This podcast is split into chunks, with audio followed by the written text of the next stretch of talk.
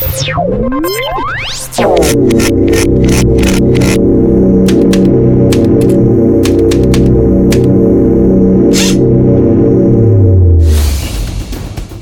pozdravljeni v šestem počrtu podkastu, z vami so ponovno Leonard Kučič in Taja Topolovec. Zdaj le so urahli za dregi, veš, Taja. Zaradi tega, ker se spomniš, kaj si mi pravila, da si izvedla na eni izmed teh mednarodnih delavnic o podkastu, da smeš uporabiti samo eno številko v podkastu. in prav, kar si uporabljala, to pomeni, mislim. In, ja, in to glik za današnjo temo. Za današnjo temo, ko imamo toliko številk, ko sploh ne vemo, kje naj začnemo z njimi. No, v glavnem, zdaj, ki si še porablja to, da smo v šestem počrtu podkastu, kaj je številka današnje oddaje? 62 milijonov evrov. 62 milijonov evrov, ki jih je, a ki jih ni. Ki so jih spohteli, bili so, pa jih ni več. Meni je spet ena tako klasična podčrta zgodba. In sicer teh 62 milijonov evrov je izpuhtelo zaradi ene zadeve, ki se jim reče jamstvene scheme. Tako je govorimo o poroštvih, ki jih je država dala podjetjem med leti 2009 in 2010 to, to, so, to, to jamstveno schemo um, zajema naša analiza v člankih, ki smo jih objavili na počrto.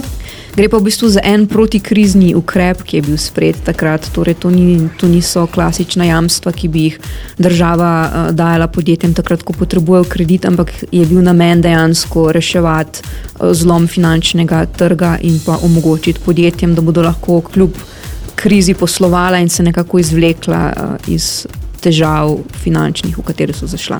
Zdaj, samo idejo je zakuhala Evropska unija, to moramo tudi povdariti, ni čist slovenska posebnost, eh, mi smo jo samo prevzeli. Celo seveda, naredili dejansko naredili bolj strogo pri samem podeljevanju teh jamstev, kot pa je bilo mišljeno v osnovi pač po direktivi Evropske unije. Ampak na koncu se je pač izkazalo, da je bilo tudi to premalo strogo, da so te scheme dobila tudi podjetja, ki jih v resnici ne bi smela dobiti. In potem, ko je vse skupaj propadlo, še država teh poroštev ni znala nazaj izterjati. Kar pomeni, da se na tej temi jamstvenih schem, kot ne tri ali pa štiri take klasične črtane teme, križajo spet.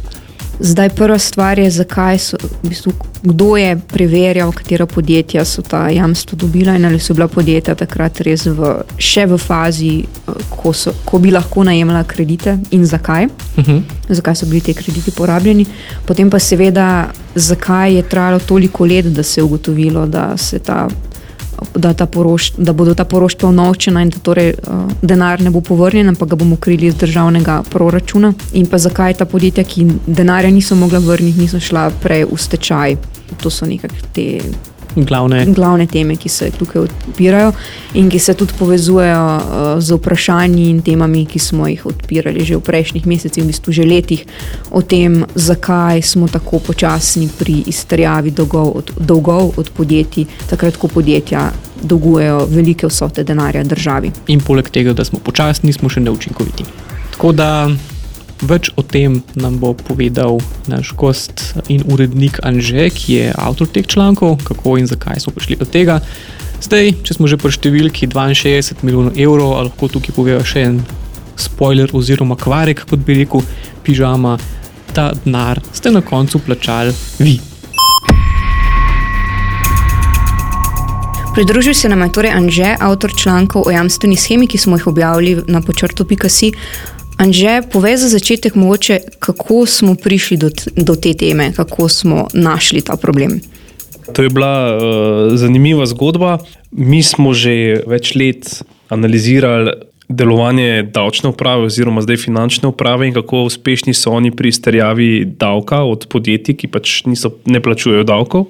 In v okviru tega smo tudi prišli do enega revizijskega poročila računskega sodišča z naslovom Izterjava davka od dohodkov pravnih oseb, kjer so v bistvu opisali ta problem, tudi davčne uprave, da davčna uprava zelo počasi terja neplačene davke od podjetij, si vzame zelo velik čas, da jim kaj zarubi in tako. In v tem poročilu tudi, uh, so bili med drugim tudi našteti določeni primeri podjetij, ki so bila državi dolg dolžna leto, dve, tri, in je država zelo počasi te davke terjala od njih. In potem sem jaz zasledil, da, pr, da dve izmed teh podjetij sta pa celo dobile neko državno poroštvo za posojilo v vrednosti tam okoli pol milijona evrov. In da tudi ta poroštva, v bistvu, potem, ko so bila unovčena, ne, ko so jo banke unovčile ta poroštva, da v bistvu tudi pri izterjavi tega dolga ne, je potem kar trajalo, da se je država tega lotila, te izterjave. Ne, v enem primeru ni dobila, mislim, da celo nič, ni bila ta izterjava uspešna. In potem se je bilo meni zdelo zelo zanimivo, ne, kako v bistvu lahko država da neko poroštvo za posojilo nekemu podjetju, potem to podjetje čudno posluje, gre v stečaj, oziroma v tem primeru se pripoji drugemu podjetju, ki je šlo v stečaj, in država potem kar gleda, kako ta unovčena poroštva polzijo iz njenih rok in jih potem pač plačuje bankam iz, iz proračuna. Ne. In ta poroštva so torej te jamstvene scheme? Ja, jam, na podlagi jamstvene scheme v bistvu so se dajala poroštva za posojila podjetjem v tistem času. To je bil nek zakon o jamstveni schemi, ki je omogočil, pač, da je podjetje dobilo poroštvo za posojilo in s tem kao ne, lažje dostopalo do posojil na svetovnem, na, na, mislim, na, na slovenskem trgu. No, ampak, če sem prav razumel, je. To bil eden izmed številnih protikriznih ukrepov, ko se je država odločila, da ker so banke v krizi, ker ne dajo novih kreditov v gospodarstvu, da bi ga zagnala, so se odločili narediti na to mehanizem spodbud, ki je omogočila podjetjem, da so pač lažje pridobivali kredite, zaradi tega, ker je država rekla, da da en del zraven kot zavarovanje, če jim ne gre, da so banke pol. Ja, ne, to je v bistvu ta koncept, da v bistvu, če se ti zadolžiš pri banki in ti država krije, ne vem, banki, da bo tretjino tega posojila izplačala država banki, če podjetje ne bo moglo plačati posojila, seveda tveganje za banko niže, ne, ker bo imela niže potencijalne izgube in zato raje da kredita. Ne. Ampak je pa zanimivo, mislim, da tega v članku nismo posebej omenjali, ampak kot taka zgodba, ne zgodbica ob tej tem, temi, da so takrat ne, politiki ocenjevali, da ne bi bil to ustrezen protikrizni ukrep, ampak že samo zanimanje za ta državna poroštva je bilo pa pred, relativno nizko, ker bilo je danih za 310 milijonov evrov poroštev. Ta schema pa je predvidevala, da bo dodal do 1,2 milijardi evrov poroštva. Torej, že, že to sploh postavlja vprašanje, ali je bila ta schema, iz katere je pol nastalo toliko izgub za državni proračun, sploh smiselna na prvem mestu. Ne, ker, ker so potem ugotavljali, da dobro stoječa, za dobro stoječa podjetja je bila ta schema predraga, ker v bistvu, da ti država da poroštvo, moš ti neko, nek, eh, neki plača državi kot neko eh, ne, eh, ceno, ne, zato da ti dajo pač ta poroštva, kot nek strošek odobritve, kako bi rekel, poroštva oziroma premijo, kot se temu reče. In za dobro stoječa podjetja je bilo to predrago, so si lahko posodili posojila ceneje uredila druge. Za slaba stoječa podjetja, ki so pa pač vzela ta poroštvo, pa vemo, kako se je zgodba pogosto končala. Ne? Z stečajem poroštva, ne plačilom posojila in prevelitvijo stroškov na, na davkoplačevalce.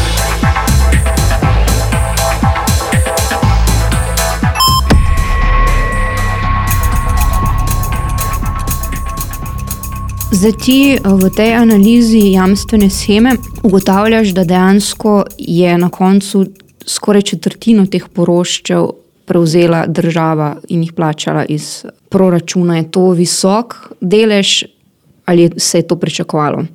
Ja, tako kot je povedal nekdanji minister Franz Križanič, minister, ki je bil takrat minister za finance, ko se je ta schema pripravljala in sprejemala na tem ministrstvu in potem parlamentu, je pač ponovadi pet odstotkov ta nekako. Pričakuje se, da bo poroštev naučenih, ne, v tem primeru je pa bilo 25 odstotkov, ne, slabih pet, slaba četrtina. No, tako da je to definitivno velika številka. Sem, če to prav razumem, ta poroštva so bila že tako postavljena, da so bila zanimiva, predvsem za podjetja, ki so že bila v težavah. Večina podjetij ne, je pač ta, poro, je ta posojila odplačala in ni prišlo do novčanja poroštva. Uh mhm. -huh. Ampak ja, predvsej podjetij ne, pa ne bi, no, tako po ocenah tudi ekonomistov, to poroštvo predvsem nekako izkoristilo za podaljšanje njihove agonije. Recimo, gradbeniki. Ja, ampak ne, ne vem, gradbeniki, ki so že takrat, gradbinci, ki so že takrat imeli, bili zelo zadolženi. Ne. Se nekako bi se že moralo vedeti, da ne bodo izplavali iz te krize, tako ali pa drugače. So pač ta poroštva dobila in vzela. In tudi, recimo, eden izmed uh, izvršnih direktorjev eh, SID banke je rekel, da, da so bila ta, ta posojila, ki so bila dana na podlagi poroštev za velika gradbena podjetja, kot so SCT, Primorje, precej premara, preniska, da bi dejansko jim dali dovolj denarja, da bi se lahko izvlekli iz te krize in nadaljevali s posli, ne, da bi lahko financirali. Posle, gradbene posle, še v prihodnosti. Tako da, ja, definitivno je bilo to pač slabo zasnovano, že, že pri zasnovi te, te eh, jamstvene scheme in samem namenu te scheme so se zgodile neke ključne napake, ne, kot je zdaj videti iz pač podatkov, ki smo jih izbrali. Kje so te glavne napake? Jaz mislim, da pač napak je bilo več. Prva je bila to neko predvidevanje, da se bo kriza hitro končala, ne? da se ne bo poglobila. In v bistvu takrat so mislili, če damo 2-9-20, ta poroštva, s katerim bodo podjetja dobila posojila, bodo ta podjetja to krizo prebrodila, na to v parih letih odplačala posojila in veselo poslovala dalje. Ampak Napaka je bila, da niso takrat šli pogledati, v kakšnem podjetju, v kakšnem stanju ta podjetja so. Da so bila že nekatera že takrat prezadolžena in lahko bi trdili, da, da je obstajala velika možnost, da bo propadla, tudi če krize sploh ne bi bilo, ker so imeli napačen poslovni model. Recimo veliki gradbinci, ki so stroške preteklih poslov odplačevali z denarjem iz novih poslov ne, in so v bistvu poslovali z izgubo ne, na, nek, na nek način, ampak so to lahko nek, na nek način prikrivali, ker je bilo novih poslov dovolj, dokler ni prišla kriza, ne zato, ker so se v Sloveniji gradile avtoceste, gradbeni trg je bil v razmahu in, in, in tako. To je bilo eno. In drugo je bilo prezadolžena podjetja, neka optimistična predvidevanja, da bo krize malo konec. Tretja, tretji razlog, tretja napaka ne bi bila, da takrat vladi, tisti vladi Boruta Pahorja ni uspelo pospešiti določenih velikih eh, infrastrukturnih investicij državi, kot je recimo drugi tir, ki so ga imeli že takrat načrtovanga in eh, ne bi se pač. Zelo hitro gradnja začela, pa vemo, kje je zdaj ta projekt. In v bistvu takrat eh, vladi ni uspelo nobenega eh, tega infrastrukturnega projekta uh, začeti velikega, ampak zdaj, ko gledamo nazaj, morda še dobro, ne, da, da, da ji ni uspelo, ne, ker potem bi pa spet za leto, dve, morda ta velika gradbena podjetja dobile spet nek državni denar ne, in pol propadla. Ne. In mogoče bi imeli tako, kot gradbene Janem, zdaj po Ljubljani, bi mogoče imeli tam lepo druga tira narejenega.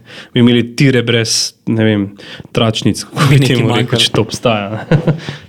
A pa poleg tega optimističnega pričakovanja, da bo kriza pač minila in se bodo stvari popravile same od sebe, ali je bil tudi to eden od razlogov, zakaj so pa ta, ker mislim, da tudi to ugotavljaš v članku, zakaj so pa bili kriteriji za podelitev teh jamstev razmeroma nizki, oziroma niso nič kaj dosti preverjali, v kakšnem stanju je podjetje, ki je zaprosilo in ki so jim dali ta jamstva. Takrat so pač Evropska unija sprejela ta okvir, ker drugače za jamstva ne podjetjem, jamstva se ne dajo kar tako za posojila. Ponovadi jamstva se dajo vse skozi, ne? ampak ponovadi se da jamstvo recimo nekemu eh, bolj ali manj uspešnemu podjetju in se da recimo jamstvo za posojilo za točno določeno naložbo. Recimo, da hoče neka tiskarna kupiti nek nov več milijonov vreden stroj in ima poslovni načrt, kako bo ta stroj uporabljala, koliko bo s tem zaslužila, in pa se da neko jamstvo za kredit za nakup tega stroja. Tukaj se je pa dal ta jamstvo kar vse povpreka, ne? za, za tako imenovana obratna sredstva podjetij, recimo, kar pomeni za tekoče poslovanje in lahko podjetje podjetje iz tega posojila potem plačevalo račune za elektriko, delavce, kar je hotlo. In tako porabo je pa tudi zelo težko nadzorovati. Podjetje porablja kredit v skladu z, z tem, kar se je dogovorilo na banki, da ga bo porabilo.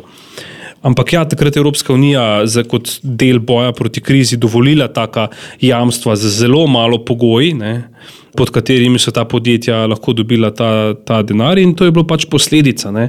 Ker moramo se zavedati, tudi, tudi tako zanimiv sociološki eksperiment, kot mislim, morda nekdo ne bi povezal te dolgočasne finančne teme ne, z neko sociologijo. Ampak eh, vemo, da recimo še leta 2008-2009 vodje, direktori velikih gradbenih podjetij pri nam so bili gospodje, ne? oni so bili češčeni gospodarstveniki, ki so znali delati, so uspešno delali, varovali nacionalne nacionalni interes, gradili domače avtoceste. In tudi takrat ne, je tudi gospod Križnič rekel, tudi v vladi, recimo, ni se jim niti sanjalo, da bi oni lahko bili upleteni v sporne posle, na kak način so ta podjetja poslovala, ne, kar se je potem pri prihodnih letih začeli razkrivati, in zdaj vemo, ne, kakšne so, kakšne to so, situacije. To so bili tisti ne. antološki posnetki ja. gospoda Zidarja, ki je imel skoraj vojaško parado z gradbenimi stroji. Pa zdaj so pa ne, ali v zaporu, ali na zatožnih klopeh, a preveč bolani, da bi šli v zapor ali kako. Ne. Tukaj se je v bistvu cel obrat zgodil v dojemanju. Ne. Določen del družbene elite je bil dejansko zrandiran na nek način. Ne. Ampak takrat so se pa pač, ja, so pa verjetno tudi politiki, ne, eh, so bili verjetno ti ljudje gradbeni gradbeni baroni tudi zelo povezani s politiki in so jih videli kot neke, morda kot neke kredibilne ljudi, kot samo rabijo pač malo denarja, ne, da, se, da se pride čez to krizo. Ne, ampak noben pa seveda ni šel pogledati, kako ta podjetja dejansko postujejo, kar pa bi lahko šli pogledati. Se, če država da nekomu denar, ima pol pravico reči: odprite poslovne knjige ali pa vam ne damo denarja.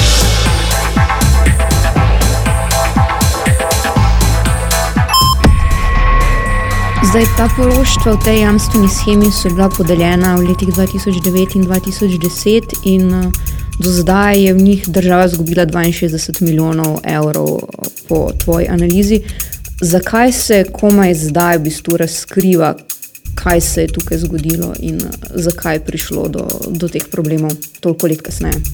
Tukaj je treba vedeti, da banke so vnočile za 75 milijonov teh poroštov kar podjetja, ne, del podjetij ni bil sposoben odplačevati posojil, ki so bila zavarovana s temi poroštvi, in potem je mogla del teh posojil odplačati država, potem pa je lahko država od teh podjetij ta denar terjala nazaj. Ne, in tukaj so v bistvu izterjali samo dobrih 12 oziroma slabih 13 milijonov evrov, in ostalo smo pa pač pokrili davkoplačevalci. Razsežnosti tega problema se pa kažejo šele zdaj zato, ker potem podjetja, ko niso mogla odplačati posojil, so šla v stečaj in v stečaju se pa odpre vsa ta dokumentacija javnosti, da pol ti lahko recimo iz poročil stečajnega upravitelja tudi vidiš, da so ta podjetja bila upletena v neke sumljive posle, da je šlo recimo za skrivanje poslov, za uničevanje, sume uničevanje dokumentacij. To se pa pač zgodilo doskrat šele leta potem, ko je bilo poroštvo naučeno. Mi imamo en primer enega podjetja, ko je bilo poroštvo naučeno, mislim, da leta 2010, podjetje šlo pa potem v stečaj šele 2013. In takrat si potem lahko ti, ti šele videl ne, eh, določene informacije o poslovanju tega podjetja dobil. In zdaj v bistvu, ja, osem let zatem, eh, recimo še osem let za to schemo, torej še, še danes, ne, določeni stečaji teh podjetij še niso končani. Ne. In se še osem let potem ne ve, kolik, v koliki meri bojo upniki dejansko poplačni, oziroma ali država eventualno še kakšen evro iz tega stečaja vam dobi za povrnitev določenega dela nočnih poroštev, čeprav gre dvomiti v to, ne, da se bo še kakšen večji znesek tukaj našel. Ja, en podatek, ki me je tudi presenetil v tem članku, je to, da tudi stečajni upravitelji v enih primerjih niso imeli dostopa do dokumentacije. Ja, to je pa drug problem, ne? to je pa pol ta slovenska slovenski način, eh, kako skriješ poslovanje podjetja. Ne, da pač podjetje prodaš državljanu neke države na Balkanu, ponavadi, ker si ti podjetje prodal njemu, mu daš tudi poslovno dokumentacijo, in potem ta človek zgine, in potem pač stečajni upravitelj ne more priti do te poslovne dokumentacije.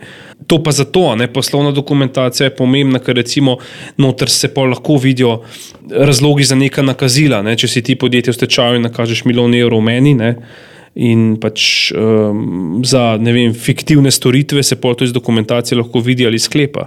Če pa dokumentacije ni, pa noben ne more vedeti, zakaj je bilo nakazanih tistih milijon evrov. Ne? Pa je to tak posel, recimo, težko spodbijati ne, v stečaju. Ampak ja, to je pač že drug problem, ne? kjer, kot sem jaz opazil, so doskrat sankcije za tako skrivanje dokumentacije. Nek, ne vem, mislim, da nek, pre, nek, nek prekršek je to, ki ga sankcionira pravosodno ministrstvo v nekaterih primerih so bile podane tudi kazenske ovadbe, ampak te zadeve potekajo zelo, zelo počasi. Jaz še nisem slišal na, za primer, da bi bil nek tuji državljan obsojen, ker ni do dokumentacije v stečaju, kar je pa spet čist druga zgodba in odpira vprašanje, spet, kako se država lahko učinkovito bori proti takim malverzacijam, oziroma ali naša država in javni službenci in politiki sploh imajo željo, da se da pač tukaj naredijo red.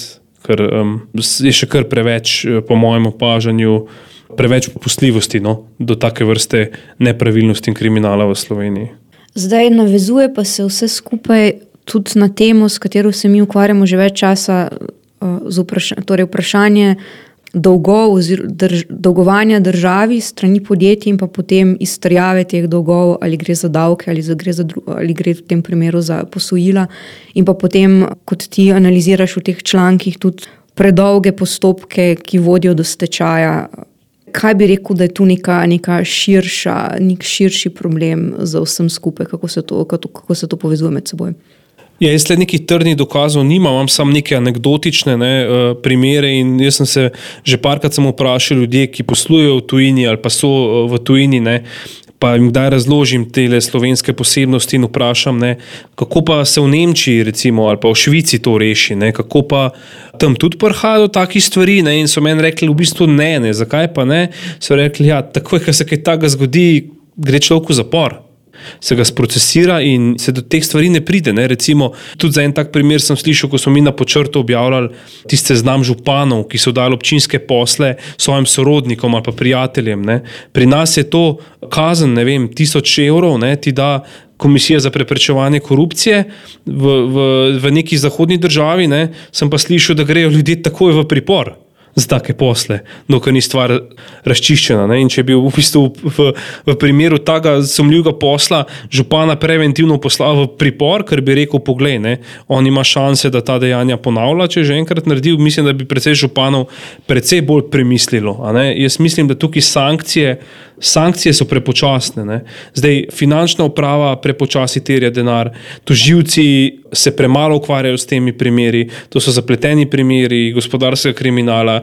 V javnosti sicer ob njih. Jo jezi, da se to dogaja, ampak veliko bolj bi jo jezili, recimo, če nek umor ostane nerazrešen ali pa morilec nekazdovan, ker je to tista prav, pravi občutek ogroženosti in se v bistvu uh, temu namenja veliko časa, kar je prav, ampak zelo premalo časa se pa namenja tem segmentu gospodarskega kriminala, Najverjetneje gre včasih tudi za neko držanje štange, kako bi temu rekel, ko recimo neki inšpektor lahko ve, da je neko podjetje na nek, v neki vasi glavni zaposlovalec, pa ne plačuje davko in pol reče, če mu pa zdaj na tega pritisne, bo pa tok pa tok ljudi izgubilo delo in morda pa to ni najboljše. Ne. To je kratkoročno, morda res tako dolgoročno, pa se to sporoča vsem državljanom, da zakoni za nekatere ne veljajo in zakaj bi jih pol spoštovali tudi ostali. Ne. In tukaj je skupek več dejavnikov, definitivno pa je pač tukaj čist preveč popustljivosti, še kar v Sloveniji, do pač teh dejanj. No, ker, ker v bistvu najhujše uh, za nas je, ne, da, v bistvu, da, se, da se to ne preganja, ampak da niti ne vemo, zakaj se ne preganja.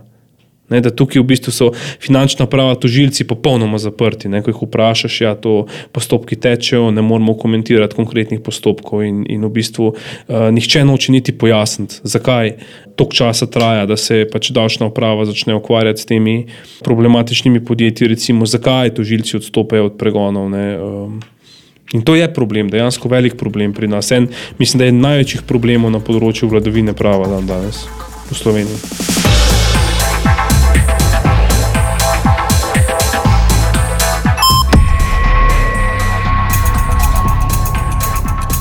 Na podlagi ugotovitev znotraj člankov o jamstveni schemi, kaj bi bilo mogoče spremeniti, kaj lahko ugotovimo tukaj, kaj bi bili prvi ukrepi, ki bi bilo potrebno narediti. Po eni strani je ta jamstvena schema bila pač nek enkraten dogodek. Mislim, ponovadi, kot sem rekel, se jamstva uh, podeljuje za točno določene posle. Ne? Ampak definitivno bi bilo treba pogledati, kje je odpovedal nadzor, zakaj v bistvu se niso določena sporna poslovanja podjetij, ki so dobile ta jamstva in pa morda tudi zaradi teh spornih poslov niso mogli odplačati kredita ali pa je država dobila, je bila poplačena manj, kot bi lahko bila, če teh poslov ne bi bilo.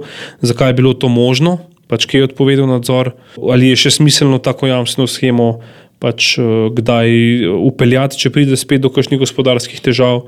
Eh, širše lahko bi tudi pogledali, ali v bistvu vse te državne inštitucije, ki so bile odgovorne za dajanje in spremljanje teh jamstev, kako delujejo na drugih področjih, kako je v, v igri državni denar. Predvsem pa je treba, kot sem rekel, pogledati zadevo širše, ker pač ta jamstva niso edina zadeva, um, kjer se izgublja državni denar, so zelo povezana z, recimo, z neplačevanjem davkov. In jaz mislim, da bi se bilo treba vprašati, zakaj pač državne inštitucije niso sposobne hitreje izterjati pač denarja, ki ga podjetja drugujo državi, in kakšne ukrepe je treba um, uvesti, da, pač, da bo to potekalo bolj gladko in učinkovito. Sem se to je en tako vprašanje, ki se ga zmeram tako ali pa drugače dotaknemo pri teh gospodarskih temah.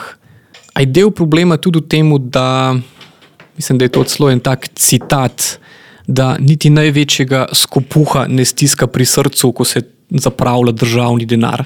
Aj mora biti tudi mal del tega, da se enostavno še tukaj res, pa se vem, da je to zlajna teza, ne zavedamo, da če tako le dobrih 60 milijonov tako le zgine in izpuhti, da se nam pa to konec koncev tudi nekje pozna kot državljanom, pa vse, da to ni kar en tak abstraktni denar, ki zgine in boh pomagi.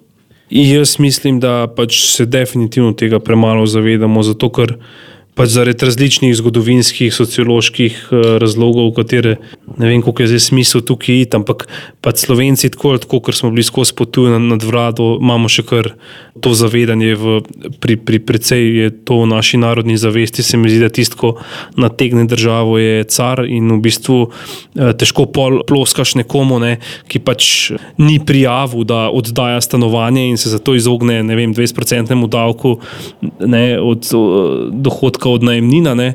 po drugi strani pa kritiziraš, ko izpuhti tok pa tok državnih milijonov. In v bistvu dejansko smo Slovenci, zaradi tega se mi zdi deklarativno zelo občutljivi, dejansko pa zelo neobčutljivi na, eh, na državni denar. Ne? Mi samo mislim na to, kako izpuhti državni denar. Mi samo gledamo, kako bomo čim več potegnili od države, ne?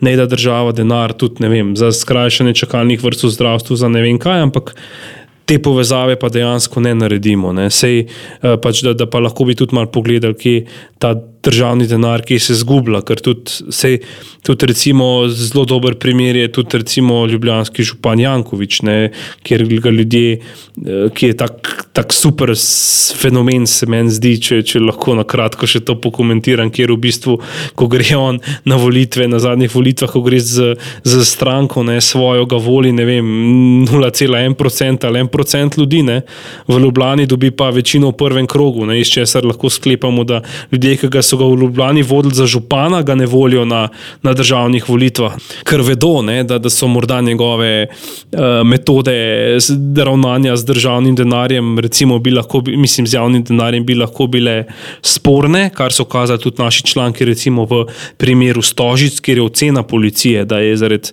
pač, uh, slab, mislim, zaradi nepravilnosti v projektu recimo, izpuhtelo 30 milijonov evrov denarja mestne občine Ljubljana. Ne.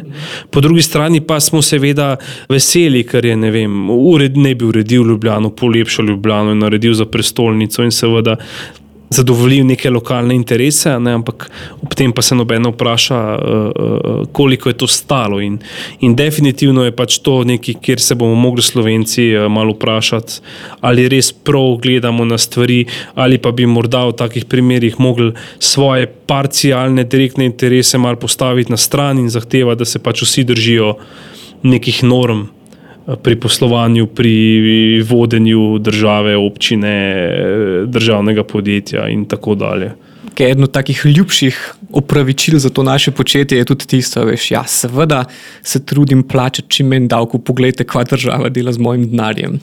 Se to je pač na nek način res, ne? pač, ampak Glih, tu je problem, da je ta jeza napačno usmerjena. Ne? Če bi rekel, pogledajte, kaj država dela z mojim denarjem, jaz se bom vključil v civilne inicijative, bom šel v politiko, bom morda namenil kak evro pod črto projektu.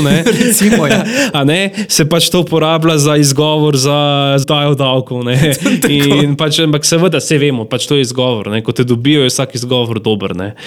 In tako da um, je treba. Tudi lažje živiš sam. Ja, je to treba. Ampak je pa, ja, pohvale vre, mislim, je pa morda tukaj res en skrit potencial, če uspemo pri ljudeh to obrniti, da bodo to jezo usmerili prav, v prave kanale, potem pa bi se lahko uh, kaj spremenili na bolje.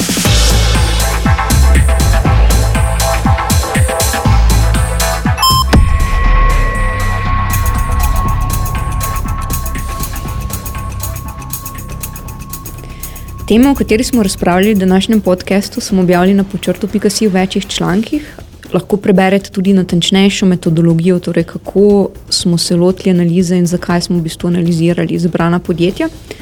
Objavili pa smo tudi interaktivni zemljevid s podatki posamične zgodbe analiziranih podjetij, kjer lahko vidite in preberete, kako je pravzaprav poslovanje podjetij potekalo, zakaj je prišlo sploh do vključitve teh podjetij v jamstveno schemo in kje se je pri vračanju denarja potem zalomilo. Tako da lahko tudi sami se malo poglobite in pogledate ta gradiva in vidite, da tukaj kar določen vzorec obstaja.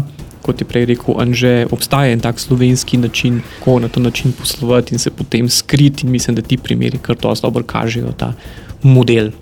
To je bil torej šesti počrto podcast, z vami smo bili Lenard, Anže in Taja.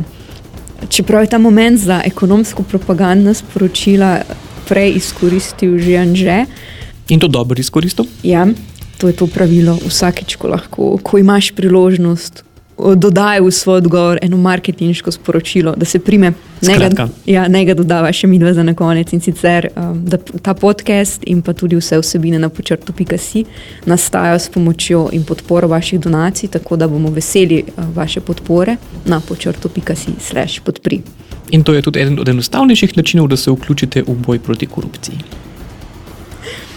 Po črtu smo Anže, Tanja, Rok, Lenart in Taja. Zvočni tempo našemu pogovoru pa dodaja Milan Fras.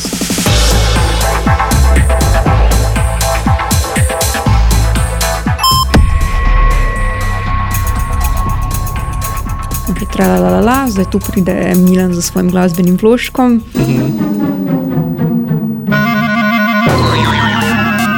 Okay. Vračajo se. Rastrom. Ja. Raster je spodaj že vse čas pogovora, pravi bit mora biti pri dolgočasnih temah, je treba držati nekaj ritma. Tako je. Ne Milan. No, to bi morali pustiti notri.